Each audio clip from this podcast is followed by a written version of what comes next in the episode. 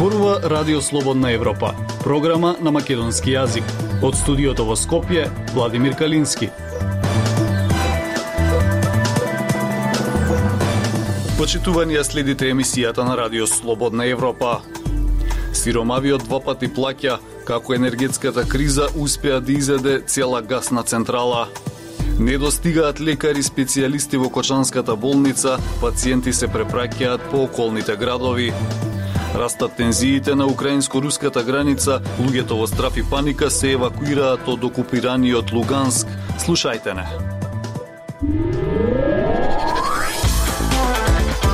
Независни вести и анализи за иднината на Македонија на Радио Слободна Европа и слободнаевропа.мк. Македонија досега потроши 170 милиони евра за справување со енергетската криза. Ако се инвестираше плански и навремено, со оваа сума ќе можеше да се изгради една гасна централа, но парите веќе ги нема, а земјава се уште е енергетски сиромашна. Прилог на Пелагија Стојанчова. Државата до сега потроши 170 милиони евра за справување со енергетската криза. Толку пари, на пример, ке чини целата македонска енергетска инвестиција во Грција, интерконекторот за пренос на природен газ, уделот во терминалот за складирање и гасификација на течниот природен газ и уделот во гасната централа во Александрополис. За справување со кризата само оваа година се потрошени 20 до 30 од парите колку што би чинал проектот за хидроцентралата Чебрен.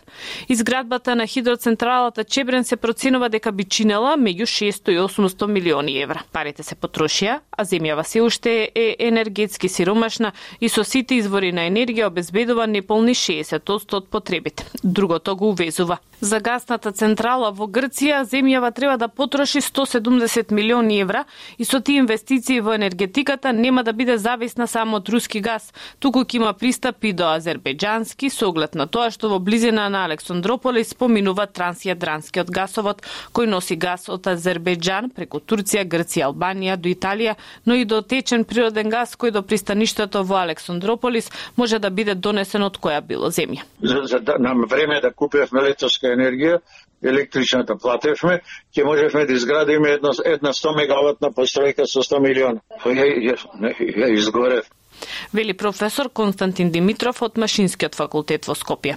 Професорката во пензија Марија Зарезанкова Потевска вели дека во 80-тите години на минатиот век магистрирала на темата енергетика и дека уште тогаш се планирало изградба на Чебрени галиште и Бошков мост. Значи од 84-та до сега е изградено само Козјак.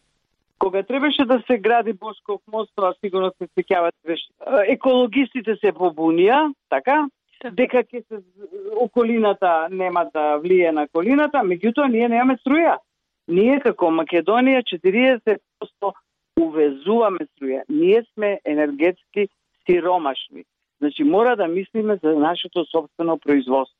Вели професорката. Таа додава дека политичарите треба да ги слушнат експертите, а не да ги решаваат проблемите во од. Основно е недостаток на концепција за долгорочен развој, кое што ќе се претвори во планови, ама да се реализираат тие планови, а не само да се зборува. Видите, ако видите многу стратегии или концепции, ако не се реализираат, тие се мртво слово на хартија.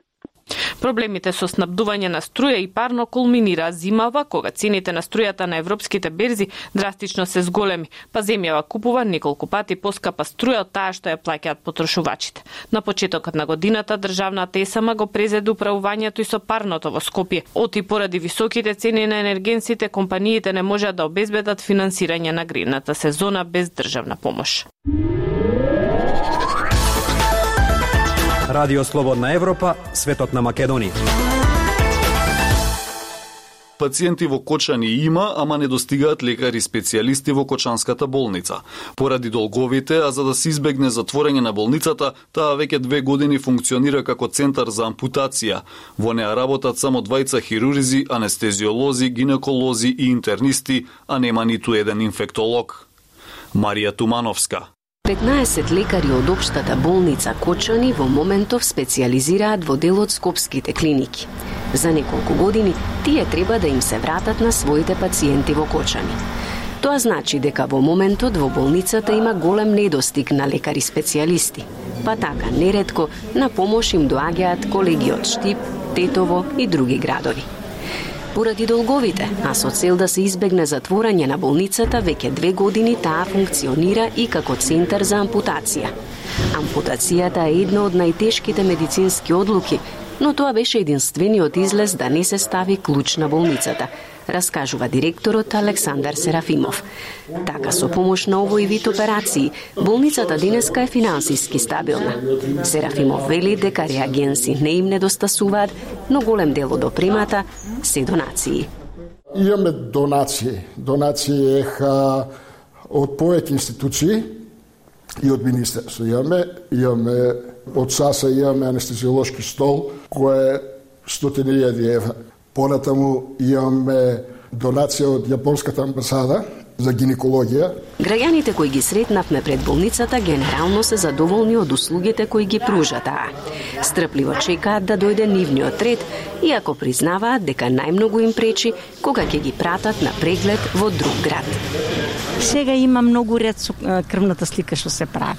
Многу ред има, еве јас сега си закажав за петок и си дојдам. По споредба со другите болници, да речеме Штип и во Скопје, ајде да речеме, али Штип сум бил, тука е многу послаба организацијата, многу по има, значи онаму у Штип се многу поопремени, стручност и Па гледа, се нормално како луѓе, има разни сестри, доктори, добри се се. Недостигот на лекари го забележале оние на кои лекарите најмногу им требаат пациентите. Доктор нема стварно тоа е ужас. Еден хирург, јако што знам еден хирург, онака, не знам, интернист. Интернист од Виница имаше една жена, која, што, како, а, мислам дека отиде у пензија, па дали е спремна за пензија и тоа, онака нема персонал. Катерина Мирчевска е најмладиот хирург кој работи во Кочанската болница. Од неодамна специјалист по општа хирургија. И ние немаме готови специјалисти да речам на е, дофат, значи за да може да работи хирургијата е тимска работа и потребно е да работи тим. И тука е да речам еден од проблемите и да сакаме на пример да работиме, ни треба ни треба колега кој ќе би ја покрил амбулантата, значи зитни случаи. Мирчевска укажува дека недовербата на пациентите кон лекарите е се поизразена, а нетрпеливоста од ден на ден се поголема. Некогаш не е и до нас, значи не сме ние на крајот виновни што сме толку малку. Например, тоа е за помалите места. Некојаш толкавини се и ресурсите. Во меѓувреме, персоналот од оваа болница се надева и на поголема соработка со лекарите од другите клиники. Актуелности свет на Радио Слободна Европа. На главниот премин помеѓу делот од регионот Луганск, кој е под контрола на сепаратистите и територијата контролирана од украинската влада, редици луѓе кои заминуваа, повеќето жени со мали деца, велат дека се исплашени и загрижени од она што следува. Долготрајната украинска војна водена во источниот регион Донбас може да биде на работ на голема ескалација. Гоце Атанасов Кога за прв пат избувна војната пред 8 години, 28 годишната Наталија само се криела во подрумот кога престрелките и артилериските бомбардирања премногу се приближувале. Сега е поинаку, сега се плашав за децата, рече таа, држејќи ги за рака незиниот 3,5 годишен син и 5,5 годишната керка, додека преминуваше од градот Луганск, кој го држат сепаратистите поддржани од Русија од 2014 година, на територијата под контрола на украинската влада. Заминуваме за секогаш, рече та. Долготрајната украинска војна водена во источниот регион Донбас може да биде на работ на голема ескалација со повеќе од 130.000 руски војници во близина на границите на Украина, изголемување на тензијата меѓу Русија од една страна и Киев и Западот од друга страна. Оградениот силно чуван обколен контролен пункт на станицата Луханска е на тоа место за години – за жителите на градот Луганск, кој е под контрола на сепаратистите и областите контролирани од владата на север, тоа беше голема непријатност, но на која луѓето се навикна, покажувајќи пасоши и дозволи за престој, како да минуваат меѓународна граница. Во услови на зголемени борби, зголемени стравување од нова руска инвазија и лажни тврдења на рускиот председател Владимир Путин дека украинската влада врши геноцид во Донбас, сепаратистичките лидери во Лугански и Донјакс на 18 февруари најавија масовна евакуација во Русија – Тие подоцна објавија наредба за обшта мобилизација за мажи на возраст од 18 до 45 години и им забранија на мажите од таа возраст да ги напуштаат територијата. Без да обезведат докази, сепаратистичките лидери тврдеат дека украинските владени сили наскоро ќе започнат голема офанзива. Киев негираше какви било планови, а западните власти ја обвинија Москва и сепаратистите дека планираат да создадат изговор за нова руска инвазија врз Украина. Се разбира, ние сме исплашени, сите се исплашени. Никој не знае што ќе се случи, вели Ања, книговодителка со незиниот 12 годишен син Данил и 6 годишниот Артјом додавајки. Што би направиле во оваа ситуација? Ања изјави дека таа и незиниот сопруг, агроном, првично не планирале да го напуштат станот во Луганск. Тоа се промени на 19 февруари кога сепаратистичките администрации во Луганск и Донјекс им забранија на сите мажи на возраст меѓу 18 и 45 години да заминуваат. Култура и уметност на Радио Слободна Европа. Оркестарот на Филхармонија под диригентство на маестро Емил Табаков од Бугарија во четврток премиерно ќе го изведе реквиум за мојот пријател на славниот полски композитор Збигнев Прајснер, посветен на режисерот Криштоф Кишловски, Љупчо Јолевски.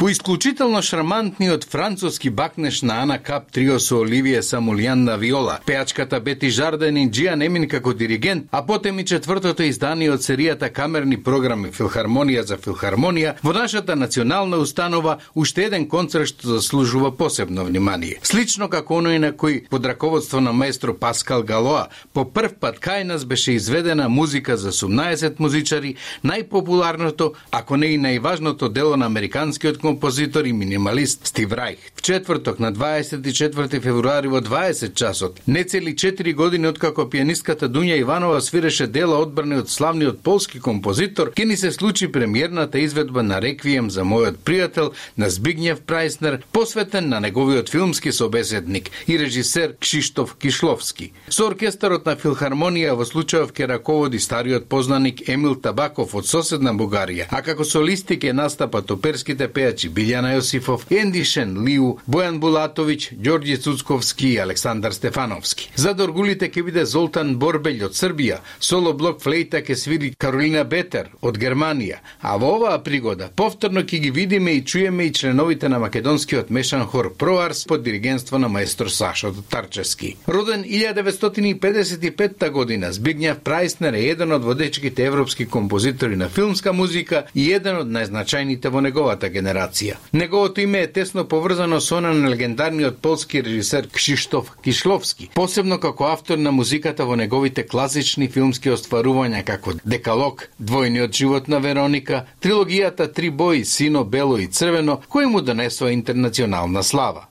Токму за него, за својот уметнички собеседник, Кишловски го пишува реквием за мојот пријател, првото поголемо негово дело, што како носач на звук излегува во 1998 година за Warner Classic. Истата година делото ја доживува и својата светска премиера во Варшава, за да подоцна биде објавено на компакт диск и на винилска плоча од издавачката куќа Sony Poland. Инаку, како што ќе забележат проследувачите, реквием за мојот пријател е творба напишана во 9 става, типичен за музички класичкиот стил на Прајснер, полне со експресивни вибрата, а во него се употребени и мал машки хор, гудачки оркестар, органа и перкусии. Вториот дел е спротивен на првиот, помасовен во употребата на музичките инструменти и тука Прајснер посега по голем оркестар и голем хор за да ја пренесе својата авторска и тонска визија.